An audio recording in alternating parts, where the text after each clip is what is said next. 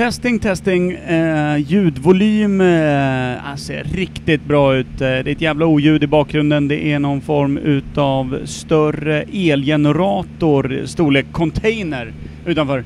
Som eh, brassar på utav bara helvete för att det är tydligen strömavbrott var fjärde sekund på Mallis. Det är någonting med den 35-gradiga värmen som elen inte verkar tåla. Det är väldigt sällsynt men så verkar det vara i, på den spanska lilla ön där värme och el inte lirar ihop med varandra. Dagens ämne som kommer bli, kommer bli Al Capone. Eh, det är, av en händelse så har ju Kim Schwiler eh, av sin fru styrd med en stor ratt på ryggen flugits in till Mallis, till Alcudia, där även min familj råkade befinna sig. En del skulle kalla det stalker, en del skulle säga att det är... Ja, lyckligt öde. Eh, ingen vet riktigt. Men med mig i varje fall har jag eh, Nia Evhammar som kommer presentera det mest vettiga vi kommer höra om Al Capone idag. Hon kommer också berätta lite om vad det är vi ska göra senare på kvällen när vi möter upp eh, Kims familj. Vad är det vi ska göra senare ikväll? Nia? Eh, vi ska ha en eh, photoshoot med uppklädnad.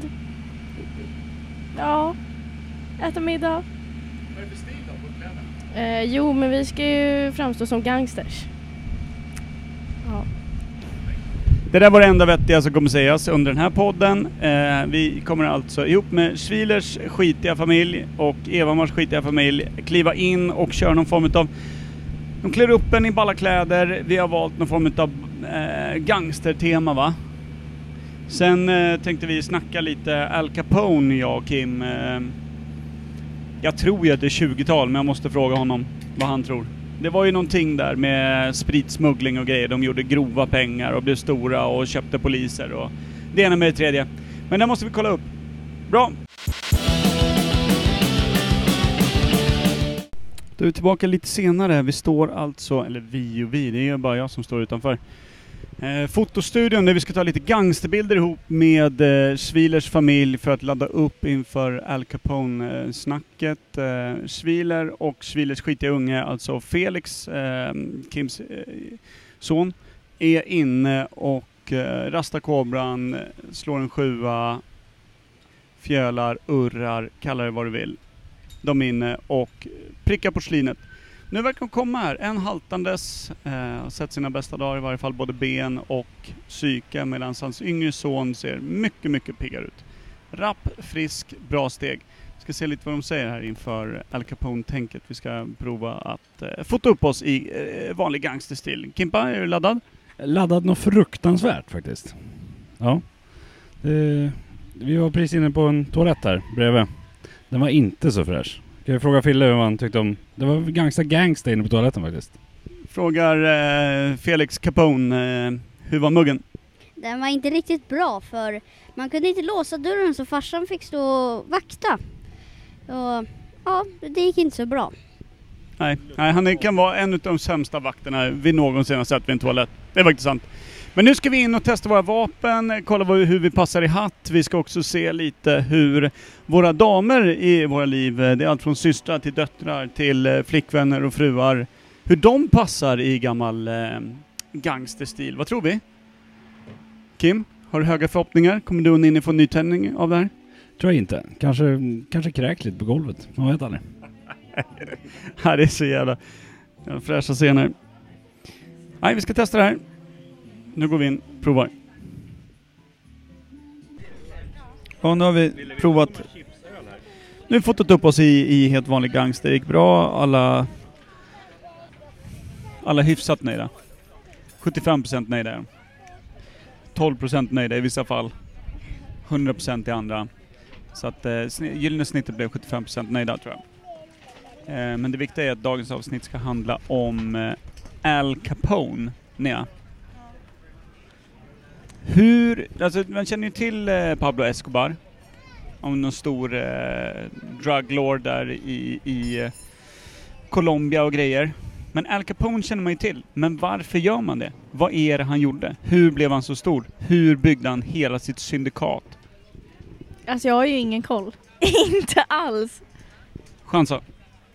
Men eh, han lär ju varit någon stor gangster eller någonting. jag vet inte. Vet du? Vet du? Jag frågar för att jag inte riktigt vet. Vilket årtal tror du på ett ungefär han eh, höll på? Kan vi, kan vi inte fråga Lova istället? Hon har ju så mycket koll på sådana här. Ja. Vi kollar med din stora syster. Lova Evhammar ska nu förklara lite om vad du tror om Al Capones eh, stora syndikat, hur det byggdes. Kanske jag kan ställa en specifik fråga. Vilket årtionde tror du att det bildades och vad tror du att han byggde liksom sin, eh, sin makt och sina pengar på? Okej så här.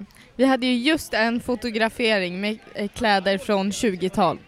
Och jag känner att det ger mig Al Capone-vibes. Eller kanske att han är lite senare, kanske 30-tal. Och sen så skulle jag vilja tro att han kanske stal eh, någon liten eh, peng från någon död kropp någonstans som han råkade komma över som liten grabb. S- Köpte lite stash bakom hörnan om ni förstår vad jag menar. Sålde vidare för bättre pengar och det gick bra. Det måste gått riktigt, riktigt bra. Men eh, det, det, här, det här med de här rundmagasins eh, automatvapnen och det då? Var det mycket våld och död kring Al Capone eller är det överdrivet? Bleka döden eller sju dagar på lasarettet brukar han säga. Nej, jag har ingen aning. ja, jag tror det kan vara så faktiskt. Ja, grymt. Mycket död alltså. Bra. Jag älskar mina döttrar. Tog, tog döden. Nej, vad tror du? Mycket död? Eller var han fin? Alltså, om man ska vara riktig boss så är det nog mycket död. Jag tror det. En riktig boss för dig är någon som sprider mycket död. Perfekt. Ja, vi tar en liten paus. Ska vi se, äntligen har vi fått tag i någon form av vettig person som ska reda ut lite vad gangster handlar om. Eh, Lova sa 20-30-tal, vilket vi alla nickade lite fint åt och tyckte att det där, det låter bra. Eh, Nea sa någonting med ond bråd död i, som kantar liksom då kölvattnet på en vanlig maffiaboss. Det lät också väldigt rimligt, men nu ska vi fråga Filpan, även känd som eh, Schwilers skitiga unge. Gangster. Vad är det som utgör en gangster? Vad är det som gör att man vet att någon är en gangster? Vad är det som är gangster? Vapen och en balaklava. Ja, det är det jag tycker. Balaklava? Ja, alltså en eh, skidmask. Skidmask och vapen, då är det gangster. Ah, ja, okej, jag fattar. Rånarluva, typ, ish. Okej, men vad tror du om Al Capone då? Vad byggde han sin makt och sin, eh, sina pengar på? Inte en aning vem det är. Du har inte sett någon film med liksom maffiabossar och sådär. Men maffian då? Vad vet du om maffian? Eh, svarta fedoras och eh, en svart suit. Ja, och en Thompson. Ah! Perfekt! Fan, det ramar in det mesta faktiskt. Det är typ det vi behöver veta. Vi, vi ska försöka luska lite, lite till. Vi kan fråga din lilla syster också vad en skurk är. Det tycker jag låter rimligt. Vad tror du? Ja, det funkar skitbra.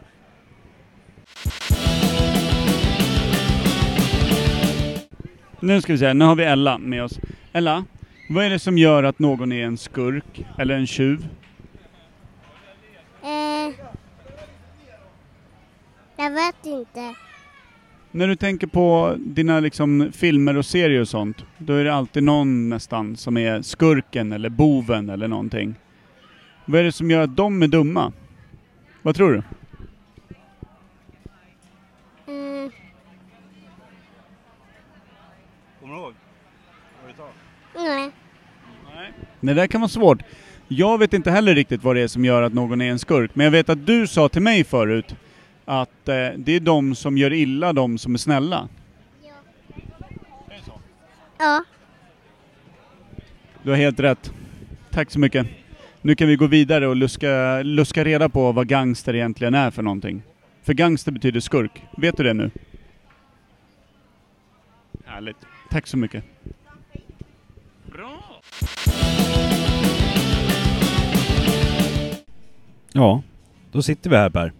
Du och jag, varsin bärs. Och har lämnat ifrån oss både familjer och barn och allt vad det nu heter. De har släppt oss lös här på Mallis. Så vi ska leta rätt på några gangsters. Eller så räcker det bara att prata om dem kanske. Men ja, vak, vi har ju klätt ut oss till gangsters idag. Men eh, det kändes jävligt bra. Men vad innefattar? Jag säger också att det är 20-30-tal där någonstans, när de var som störst. Maffian. Det måste, jag tänker att det är italienska ättlingar i USA. Alltså italienska maffian. Sen har irländska maffian. Det är också irländska ättlingar i USA som är... Men en fråga då som jag har till dig. Italienska maffian, som jag tänker är italienska maffian, är den i USA då? Eller finns den också i Italien och är lika stor där? På Sicilien vet man ju liksom, men i hela Italien. Är, finns, är maffian stor där också? Ja, maffian är väl skitstor. Cosa Nostra och allt det där. Det är väl... Ja, och det, tanken är väl att där på 20-talet var det väl, eh, de var väl andra, tredje generationens italienare som hade kommit till USA på typ 1800-tal där eh, och försökte bygga sig en ny framtid. Och sen när spritförbudet kom, jag för mig att det var Atlantic City som Al Capone och grabbarna gjorde sig stora, eller i varje fall italienska maffian. Det- Ja, de, de kom väl till Chicago sen. Chicago är maffia till LOL. Och New York.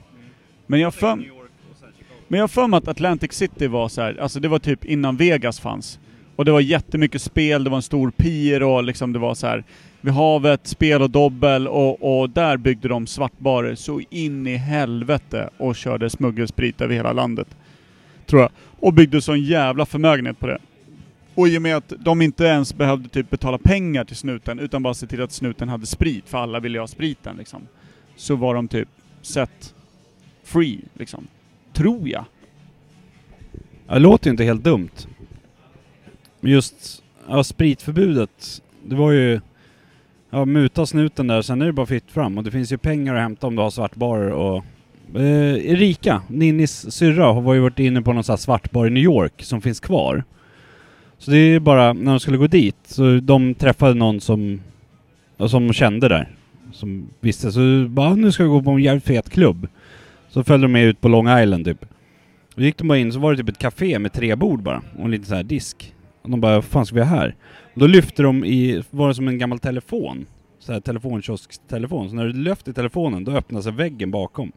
Och då gick man in bakom och då var det en gammal från 20-30-talet när spritförbud var. Och en sån jävla fet klubb där bakom. Sånt är ju jävligt fett. Där inne kan jag tänka mig att de satt gangstersna. Men det jag tycker är alltså, så jävla coolt, det är att de är så jävla välklädda. Och sen vet jag, jag vet inte om det var Al Capone eller om det var Escobar, han är ju inte gangster på den tiden, men det är någon sån här gäng, gammal kriminell höjdare som alltid pröjsar i 100 sedlar Och aldrig mindre. Och så fick alla behålla växeln. Bara för att göra sig liksom vän med allt och alla. Att, Ja, kommer han in, ja, jag tjallar inte på honom. För jag får 800, eller liksom 80 dollar i dricks när han köper bröd liksom. Jag vet inte om det var han. Men jag har ju också för mig att Al Capone kallades för Scarface. Men det trodde du att det var någon annan. Jag tror det. Jag vet fan, eh, Al Capone var nog en sån där, eh, men han hade ju också jävligt mycket torpeder, så jag har för mig att någon av hans torpeder var liksom lite åt Scarface-hållet så här. För det var väl grejen med italienska maffian också, att de... Eh, när pengar och mutor inte räckte till, så fanns, la man inte två fingrar emellan. Utan då dödades man liksom, så enkelt var det. Och det var lika liksom... Eh, mot sina egna. Att om du inte gjorde det du skulle så dödades man utan snack. Det var liksom inga så här hålla på med hot eller någonting, utan folk dog. Och att man blev... Hette inte att man blev en made man? När man kom in i maffian. Och då fick man bära hatten och kostymen och allt det här.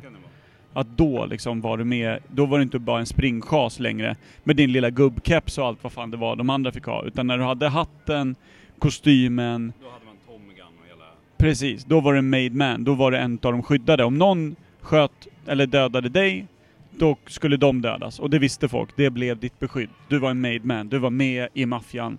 Om någonting hände dig, då hände det det trippla på den jäveln som hade gjort det liksom. Så var det. Därför kunde de ju gå och bete sig lite som de ville då i sina kvarter och, och sådär. Men jag tror att det, det var spel, dobbel och sprit som byggde hela deras imperium i Chicago, USA och Atlantic City. Och då tänker jag, eh, droger. Hur stort var det på 20-30-tal? Ja, jag känns också som att det är senare, men det måste ju ha funnits. Men inte att de, att maffian var så jävla inne i det. Men... Ja, att marknaden var så. Men jag tänkte så här. Ja, det är ju senare när kokain och heroin och... Men ja, och marijuana och sånt kommer in. Du måste, för spritförbud, då la ju allt krut, alla allt krut för att få fram spriten bara. Men vad, vart fick eh, Capone spriten ifrån? Undrar jag. Men eh, det känns väl som att Italien var väl en jävligt fin eh, kran på de grejerna. Eller hur? I och med att säkert Italien inte hade spritförbudet. Alltså det var ju USA som hade det. Sverige hade också ett spritförbud. Vill jag veta. Eh, på typ, ja men typ samma, samma årtionden där. Precis. Eh, och det fanns en nykterhetsrörelse och de insåg att hela världen håller på att gå åt helvete. Så nu kan vi inte hålla på med det här. Och alla gjorde pengar som satan på att smuggla sprit. Från länder runt omkring som inte gick med på att de tyckte att det var lika bra. Så det kan ju ha varit från Kanada också. Jag tror de körde sprit så in i helvete från Kanada också vet du. Men jag tänkte, hade de inte liksom, du vet om maffian hade köpt upp kvarter med kåkar och barer och hade sina svarta, att de brände hemma själva. Att de hade eget bränneri. Så, typ moonshiners fast lite finare. Att de sålde ren fin sprit, inte moonshine whisky liksom. Så kan jag tänka mig att, ja men den där klubben går vi till för de har jävligt bra drinkar med sin sprit och... Men var det mest bara ren sprit eller var det mycket bärs och sånt också tror du? Men det känns ju som innan spritförbudet kom in så fanns det ju fabriker som gjorde sprit. Alltså jag kommer ihåg, jag bodde på Reimersholme när jag flyttade hemifrån. Och där låg det ju gammalt bränneri. Alltså det låg ju mitt i staden såna här grejer på liksom förr i tiden.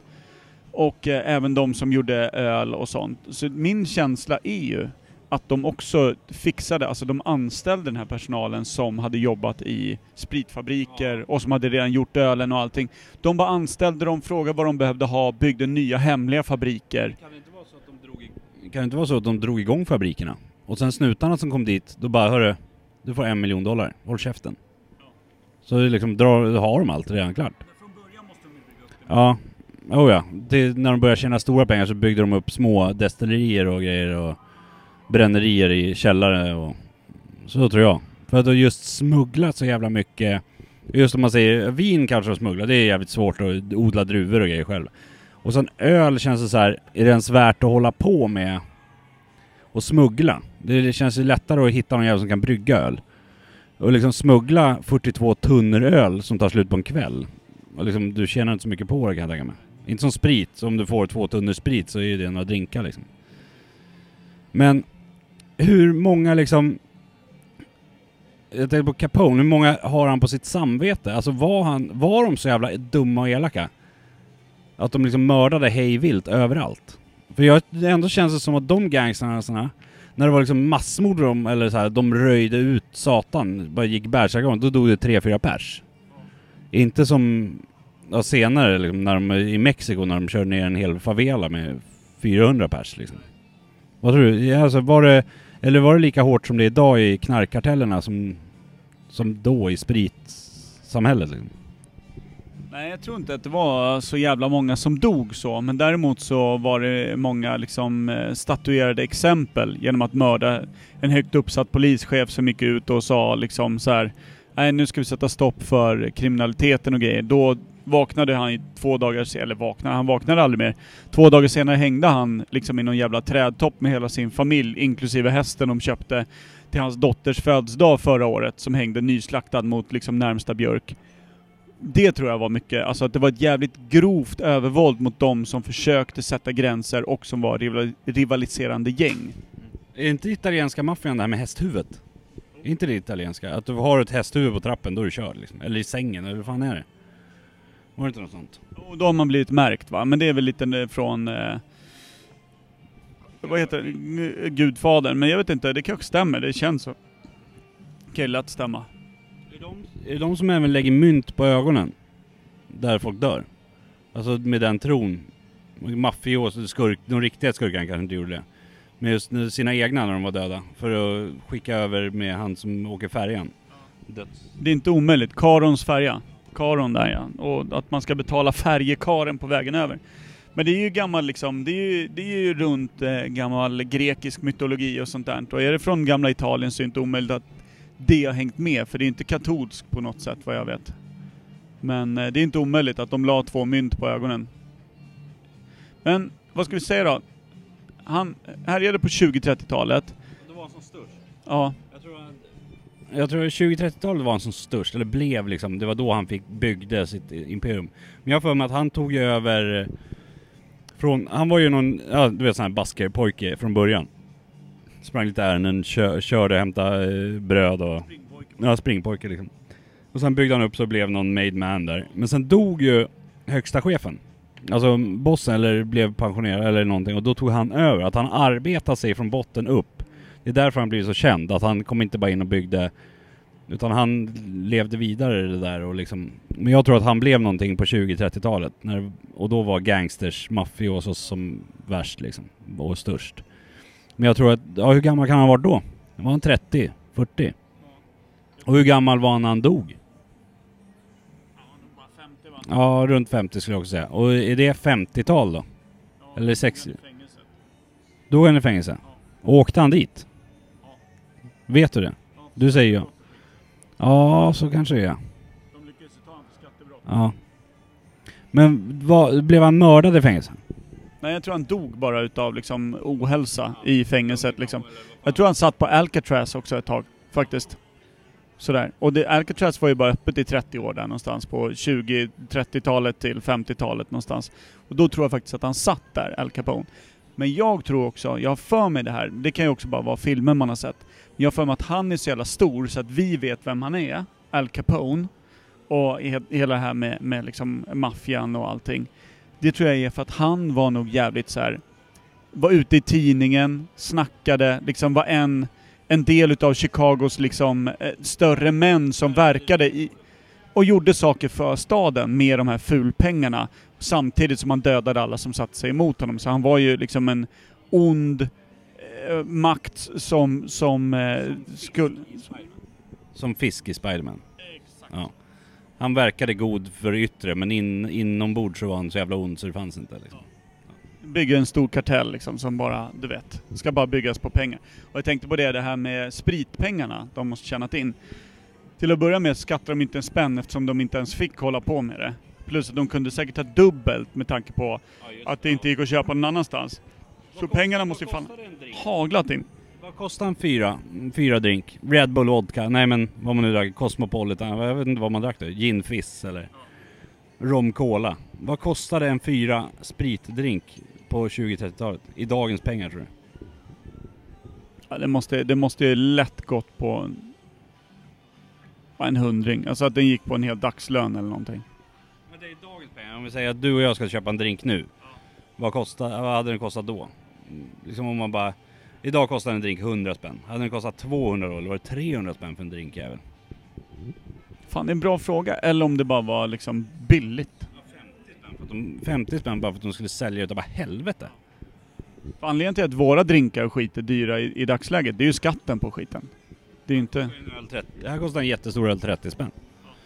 I Sverige hade den kostat 150 spänn. Ja, fan det är stökigt det där. Men vi, vi eh, kan väl då ropa ut Al Capone som ett geni då, när han eh, drog den där grejen. För det fanns ju mycket pengar att tjäna där. Eh, och handlingskraftig eh, och eh, byggde ett imperium kring sig själv där han skulle vara i slutändan då en, en god människa för folket, vilket han ju inte var. Eller? Har vi, har vi, men sen någon annan dag kommer vi ta maffian och hela den biten, vad hela maffian är. Men Al Capone har vi försökt rama in nu, eller hur? Det känns lagom för oss så här fem öl in på Mallis. Vi har också fått hjälp av vår familj. Vi har fotat oss själva i gangsterkläder. Ja, Ja, underbar dag faktiskt, tycker jag. God mat, bra bärs, roligt med att vara lite fotogrejer med hela familjen. Jävligt kul. Ja, men ja, vi nöjer oss med Capone, tycker jag. nu är bara du och jag Kimpa. Nu dricker vi ett par bira. Puss och hej! Puss och hej på er.